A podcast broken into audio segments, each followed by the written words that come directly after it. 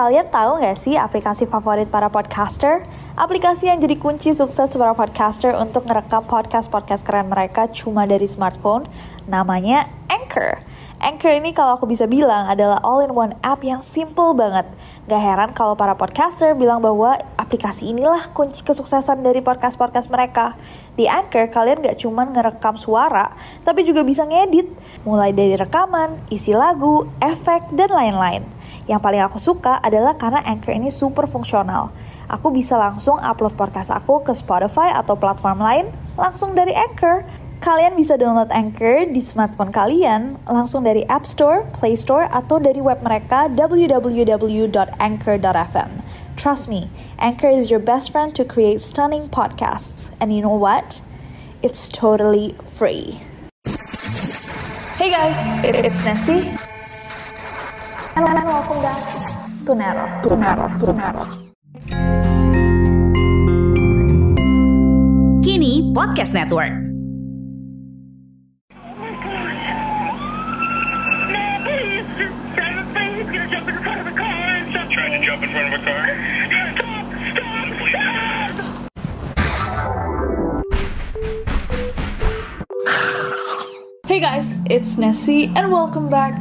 to Neror. Hari ini kita akan membahas dan mendengar salah satu OG Neror yang sampai hari ini paling banyak di request, rekaman 911 terseram. Aku nggak ngerti kenapa kita udah melakukan ini sampai 8 part, masih aja ada yang request. Tapi Neror is what you want, you will get. Apa yang kalian mau, kalian akan dapatkan. Buat kalian yang baru join Neroris, 911 atau 911 adalah nomor operator darurat di Amerika Serikat. Jadi orang-orang yang menelpon 911 adalah orang-orang yang membutuhkan assistance atau bantuan di saat-saat paling genting, paling mengerikan di hidup mereka. Dan hari ini kita akan sekali lagi mendengarkan dan membahas rekaman-rekaman darurat 911 yang paling mengerikan. So without any further ado, stop senyum-senyum, cause shit's about to go down. Oke, kita akan mulai dengan kasusnya Daniel Lambert. Daniel A. Lambert dan Catherine Lambert adalah sepasang suami istri yang sudah menikah selama 30 tahun dan memiliki dua orang anak laki-laki. Selama mereka menikah, mereka terkenal sebagai pasangan yang harmonis, gak pernah berantem besar di luar batas normal. Suatu hari, Daniel itu ketahuan selingkuh. Dan hal itu memicu perdebatan dan pertengkaran yang besar banget di keluarga kecil ini. Daniel sama Catherine berantem, dan bahkan kata teman-temannya Catherine, Daniel nih udah mulai main tangan. Pada 15 Mei tahun 2015, Daniel sama Catherine bertengkar besar banget di garasi rumah mereka. Gak lama setelah mereka berantem, Daniel mengambil HP-nya dan menelpon 911. Dan inilah rekamannya. Oh, oh, oh oke. Oke, kita dengarkan bareng-bareng. Satu, dua, tiga. Toledo 911. I need help. My wife's bleeding on the garage floor. Uh, what's your address, sir? 411 Riverside. and We're in Rossfordville. Okay. Mm-hmm. What's your name? What's your name? Dan. My name is Dan. All right, Dan. Your callback is.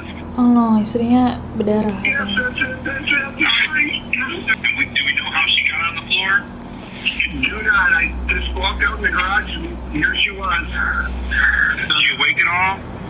She's breathing, but there's uh, there's nothing to her. She's just breathing. There's no no anything. All right, listen. She's breathing. That's the important thing, okay? Where is she bleeding from? I can't tell. Her head looks to be like she hit her head or something. Listen, you need to be strong for her right now, okay? You don't see blood coming from anywhere else, right? No, her face is covered in it. The garage door's covered in it. I'm covered in it. The hair. I don't know. I can't move her, so I can't tell where it's coming from. That's okay. I don't want you to move her. Okay. Sweetie. Sweetie. Was there a ladder or anything? Like she was climbing on something, or? No, no. She's right outside her car in the garage. Okay. Did she just get home? A little bit ago, I guess. Must have been. I've been texting her wondering where she's at. She had an appointment with uh, one of her people and uh, came out here to do something where she was. She didn't wake up. Wake up. Oh my god. Saat polisi tiba di sana, mereka menemukan tubuh Catherine sudah tergeletak bersimbah darah dan dia lalu dilarikan ke Mercy St. Vincent Medical Center namun meninggal dunia dua hari setelahnya. Sedangkan Daniel ditangkap keesokan harinya setelah dia mengakui bahwa dirinya lah yang membunuh Catherine dan dia mengaku memukul Catherine dengan palu sebanyak tiga kali di kepala bagian belakang, mencekiknya, dan menyumpal mulutnya dengan handuk sebelum akhirnya mencuci palu, menyembunyikan handuk, dan kemudian menelpon 911. Oh my god! Berarti dia purely acting tadi tuh telepon. Sakit jiwa. Dan kayak di teleponnya tuh bener-bener believable. Aku mikirnya kayak iya dia berantem, dia ngelakuin sesuatu yang dia sesali gitu, makanya dia panik. Tapi ini premeditated banget. Tapi dia di plan semuanya. Oh my god. Serem banget, serem banget. Nikah 30 tahun. Nikah 30 tahun, guys. Dan dia yang selingkuh. Dan dia yang selingkuh. Huh, huh. Gila merinding banget. Gimana menurut kalian kasusnya Daniel ini? Bener-bener pepatah sepandai-pandainya tupai melompat pasti akan jatuh juga. Dia udah plan segalanya di kepala dia, tetap aja kebenarannya terungkap. Next. Next ada kasusnya Gina Gonzalez. Ih, gila yang tadi. Oke. Kasusnya Gina Gonzalez ini adalah kasus yang menimpa sebuah keluarga kecil di Arivaca, Arizona pada tanggal 30 Mei tahun 2009 lalu. Keluarga ini beranggotakan Gina Gonzalez, Raul Flores Jr., dan anak mereka yang masih berusia 10 tahun bernama Brisenia. Saat itu, sekitar jam 5 pagi, rumah mereka tiba-tiba diketuk oleh seseorang. Raul lalu membangunkan Gina yang masih tertidur dan sempat mengecek Brisenia yang masih tertidur pulas di sofa bersama anjing mereka. Saat pintu dibuka, rupanya ada tiga orang tidak dikenal, satu perempuan dan dua laki-laki. Mereka mengaku sebagai polisi yang sedang mencari buronan. Raul lalu mempersilahkan tiga orang ini masuk ke rumahnya, tapi out of nowhere, tiba-tiba mereka mulai menembaki Raul, Gina, bahkan Brisenia yang sedang tertidur pulas. Oh no. Gina yang sebenarnya masih hidup langsung pura-pura mati dan terpaksa harus menyaksikan suami dan anaknya ditembaki berkali-kali dengan mata kepalanya sendiri. Sesaat setelah orang-orang itu pergi dari rumahnya, Gina langsung mengambil telepon dan menelpon 911. Oh, I don't know. I don't wanna listen. Tuhan kuatkan aku. Satu, dua, tiga. 911, where's emergency? No, somebody just came in and shot my daughter and my husband. They shot them? Yes, and what's your. And what's your... And they shot your husband and your daughter? Are they are they unconscious? Please, ma'am, please. She's bleeding out of her mouth. Please. How old is your daughter? 10. 10? And where, where were they shot? In the head. In the head. Should I pick her up so she's not bleeding? No, no, I want you to leave her where she is, okay? What I'm gonna do... Are they still there, the people who are there that shot him? They're coming back in. They're coming back in. Do you know who they are?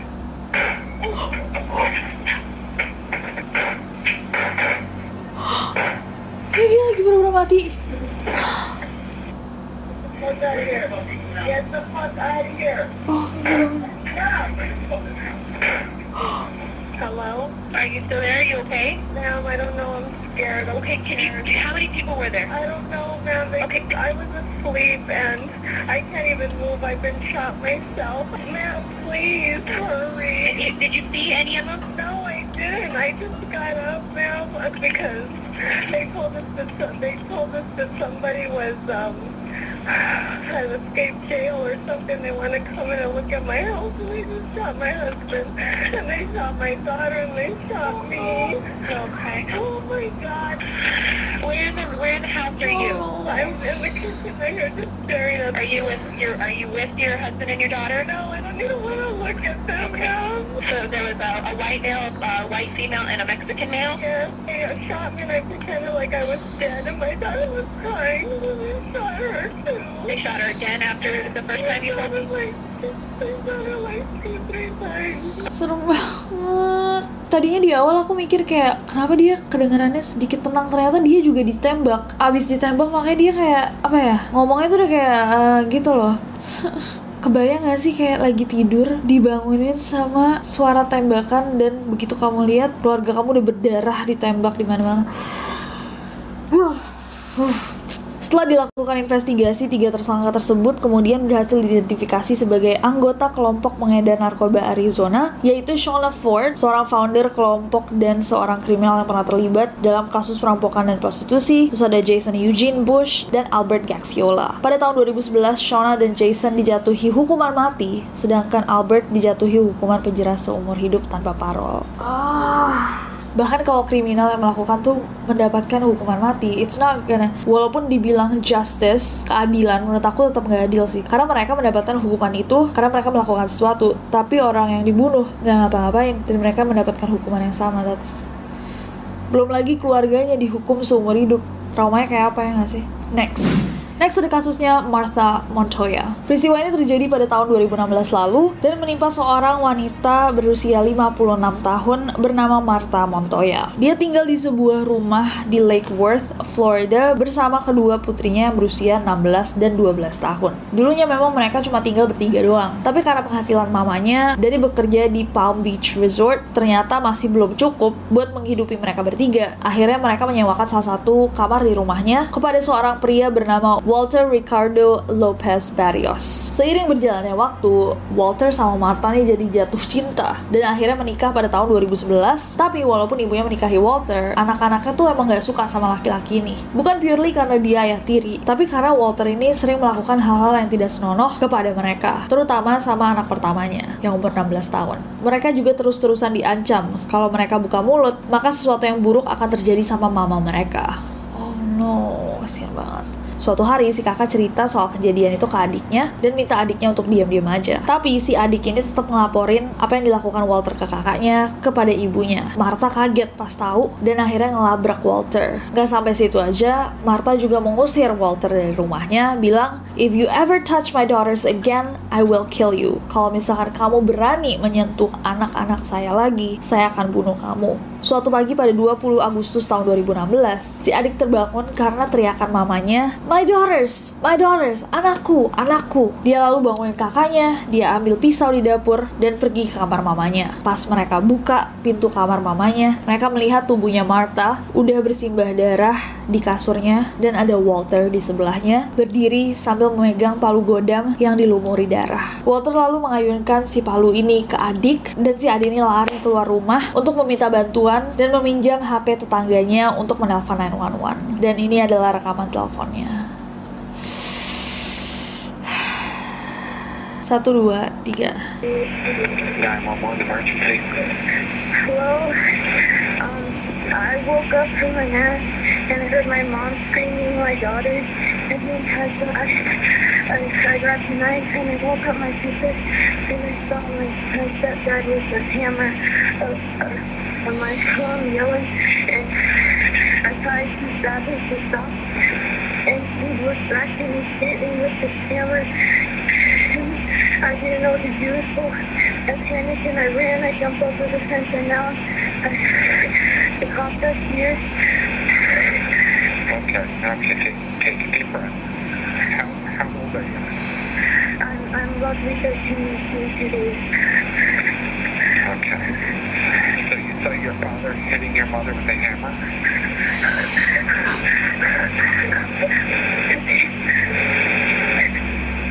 Where is the knife and who got stabbed? I didn't, I don't remember where I put the knife. I think I dropped it because he hit me with his hammer on my arm. Your father left? Yeah, because he was chasing me. He was chasing me after I jumped the fence with the hammer. Eh ya guys, aku mau sedikit sharing sih seputar aplikasi keren yang aku gunain buat bikin podcast ini. Aplikasi ini tuh bisa di-download di App Store atau di Play Store, and it's totally free. Gak cuma buat ngerekam aja, Anchor juga bisa buat ngedit langsung rekaman kalian. Kita bisa langsung nambahin back sound, effects, tambah lagu, bahkan Anchor juga bisa mendistribusikan podcast kita ke berbagai platform lainnya. Kayak aku nih, biasanya aku langsung upload podcast aku ke Spotify langsung dari Anchor. Jadi di mana pun aku berada, aku bisa buat podcast aku kapan pun dan di mana pun aku mau. Karena dia super gampang, aku jadi suka banget nih sama Anchor ini. Daripada kalian kepo, mendingan kalian langsung coba aja buat podcast sendiri pakai Anchor. It's super simple and free. Ternyata nggak cuma si adik yang nelfon dan Warwan, kakaknya juga melakukan hal yang sama. Setelah Walter pergi ngejar si adik, si kakak cepet-cepet kunci pintu dan mencari bantuan. Ini adalah rekaman 911-nya. Oke, okay. 1, 2, 3. Running along with the nonsense. He's doing what? He's running along with the knife around my house. Okay, what is your what is your address? House or apartment? It's a house. Is he threatening anybody? He hurt my mom. She's bleeding on the floor. Stab her with it? I don't know. She got blood all over her face. Uh, okay, ask her if he cut her with the knife. Mami, se te pegó en el con el cuchillo. ¿Cómo fue? What did she say? She's, uh, she's unconscious. She's unconscious? Stay on, stay on the phone. Can you stay on the phone with me? Hello? Okay, so you don't know where she's bleeding from? No, no, Has your father been drinking? no, No? Do you know why he's running around with a knife? no. He, ha- he hasn't been doing any drugs? I don't know. Alright, stay on the phone.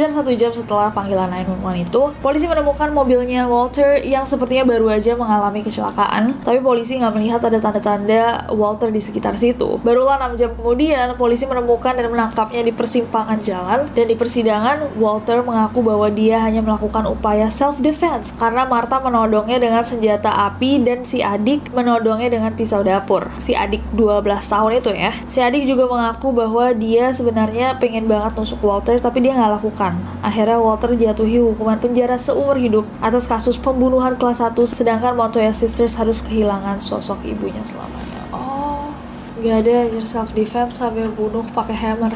Kasian banget. Next.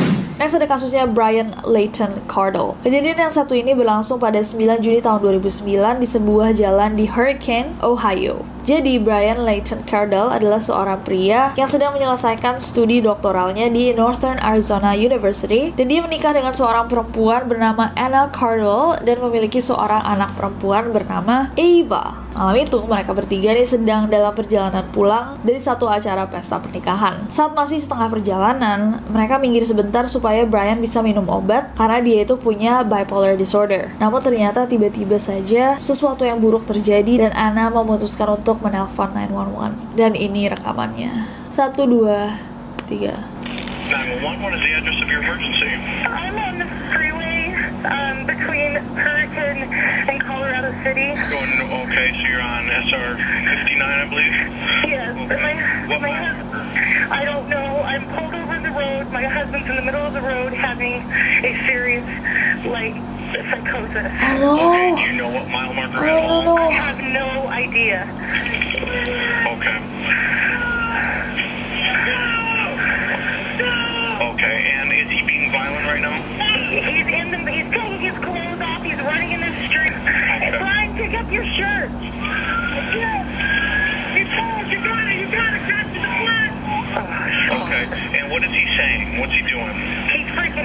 Okay. He's just freaking out. What's going on? No, God.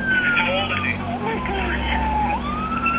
No, please. Just, I'm afraid he's gonna jump in front of a car and something. Trying to jump in front of a car?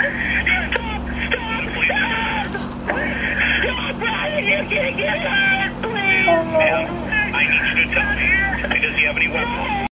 No, please get in the Has he car, Brian. drinking? Has- Just medicine? No, you already took it. You already He's, he's got mental illness. Is, is he on meth, you said? No, mental illness. Okay. What is, what's his name? Brian. Brian, what's his last name? Ricardo. Come on in. No! No! Hector! He's just having a freak out. I've given him his medicine, but it's going to take about an hour to kick in. Okay, what kind of what kind of mental illness does he have?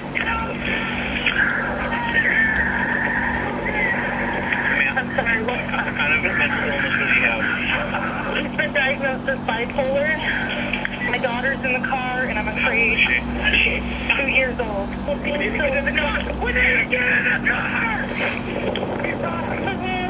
Come on, Dad. Come on, Dad.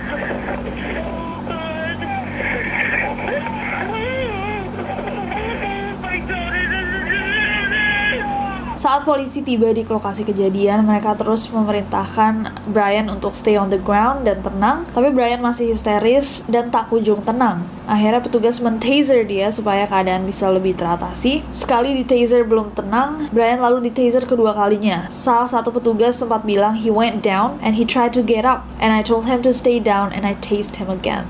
Setelah taser yang kedua, polisi mencoba memanggil-manggilnya, tapi Brian gak nyaut sama sekali. Saat dicek, ternyata Brian sudah meninggal dunia. I don't know what to say. Gila, dada aku berat banget kayak, what? Ah, no.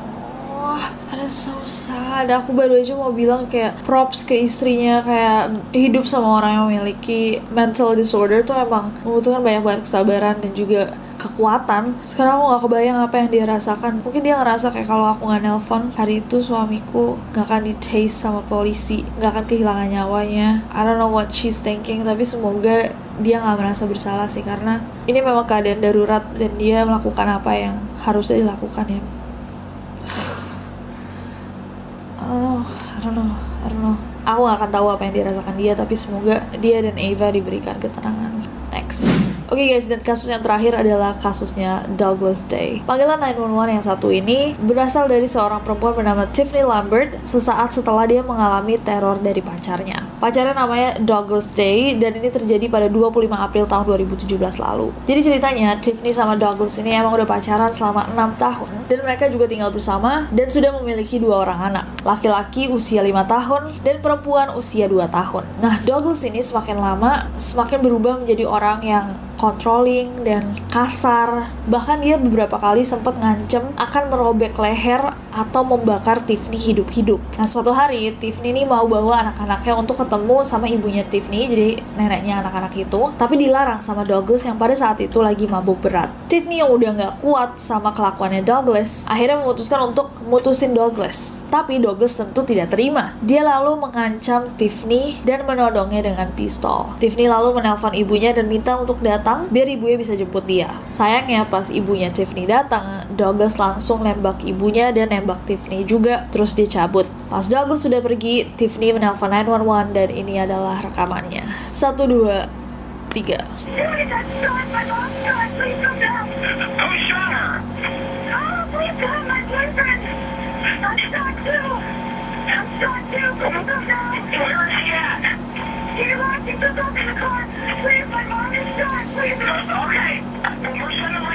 Keep you online now. No. My mom is in the car. She's been shot so hard. I was there with my grandma. Oh, God, it hurts so bad. Oh, my God, it hurts. Okay, you got okay, you guys are in the driveway? I they don't get to get the quick. So fast. Alright, what's your name, honey? Tiffany. Oh, my God. What's your boyfriend's name? Douglas J. Douglas dog. Oh, God. I can't move my arm. Where's your mom at in the car? She's in the car. Okay, is she still breathing? I don't know. My heart to tell you. Oh, my God. Oh, my God. Oh, my God. Oh, my God. Oh, my God. Oh, my God. My mom. My mom. Okay, we have we have them coming, Tiffany, okay? Where were you shot at, did you say? In, in my shoulder. In your shoulder? side, my my left shoulder, my lower left side, and my and I think my ear maybe.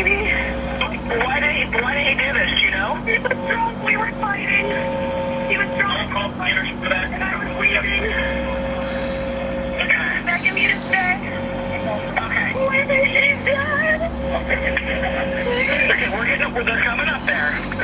my god.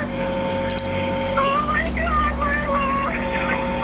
Oh my god, itu heartbreaking banget, gila. Kayak dia kesakitan banget, tapi sesekali dia inget kayak, oh my god, ibuku, ibuku gitu kayak. Uh, Polisi kemudian mencari Douglas di rumah orang tuanya, tapi udah nggak ada. Polisi lalu menyisir area sekitar rumah dan berhasil menemukan Douglas sedang merintih kesakitan karena kemungkinan terjatuh di hutan. Douglas kemudian didakwa dengan pasal pembunuhan dan pencobaan pembunuhan dengan uang jaminan sebesar 1 juta dolar. Oh, ibunya meninggal berarti? Ibunya Tiffany. Tapi Tiffany hidup. kan Tiffany di di rumah sakit terus anaknya tuh kan harus diasuh sama siapa kan akhirnya katanya jatuh ke tangan ibunya si cowok Douglas. Ah, kayak sian aja kenapa ke ibunya Gak ke Tiffany. iya nggak ke Tiffany Loh, Tiffany jadi nggak boleh lihat anaknya. Dia nggak dapat hak asuh anaknya, Tiffany. Kenapa? Enggak. Kesian banget ya Allah, udah ibunya diambil terus anak-anaknya diambil juga. Oh my god. Oh. So itu guys tadi adalah rekaman-rekaman 911 darurat terseram. Gak bosan-bosan aku ingatkan kalian untuk berhati-hati. Bahkan orang-orang yang kita percaya, orang-orang yang kita kenal, gak semuanya bisa mengontrol emosi mereka. Banyak yang gak cukup kuat untuk mengontrol emosi mereka. Kuat egonya, kuat fisiknya, tapi lemah hati dan otaknya. So always be careful. Ah, ini selalu di request kalian dan setiap kali aku ngerasa kayak hollow gitu kayak kosong dan sedih banget. Dan aku mau ngingetin ini adalah nomor-nomor emergency di Indonesia. 110 adalah 911 nya Indonesia. Simpan di HP just in case kalian butuh bantuan. Tapi aku doakan kalian tidak akan pernah butuh bantuan 110 but anyways itu adalah video hari ini. Aku mau dengar dari kalian mana kasus yang paling menyakitkan hati kalian mana kasus yang paling serem paling bikin kalian mikir paling bikin overthinking terima kasih semuanya yang udah request. Untuk request-request lainnya kirim ke requestasia.gmail.com kita selalu dengerin kalian guys. Thank you guys pada tentang kalau aku di Instagram dan Twitter gampang banget nih si Cici karena aku gak sabar buat ketemu kalian lagi. Bye bye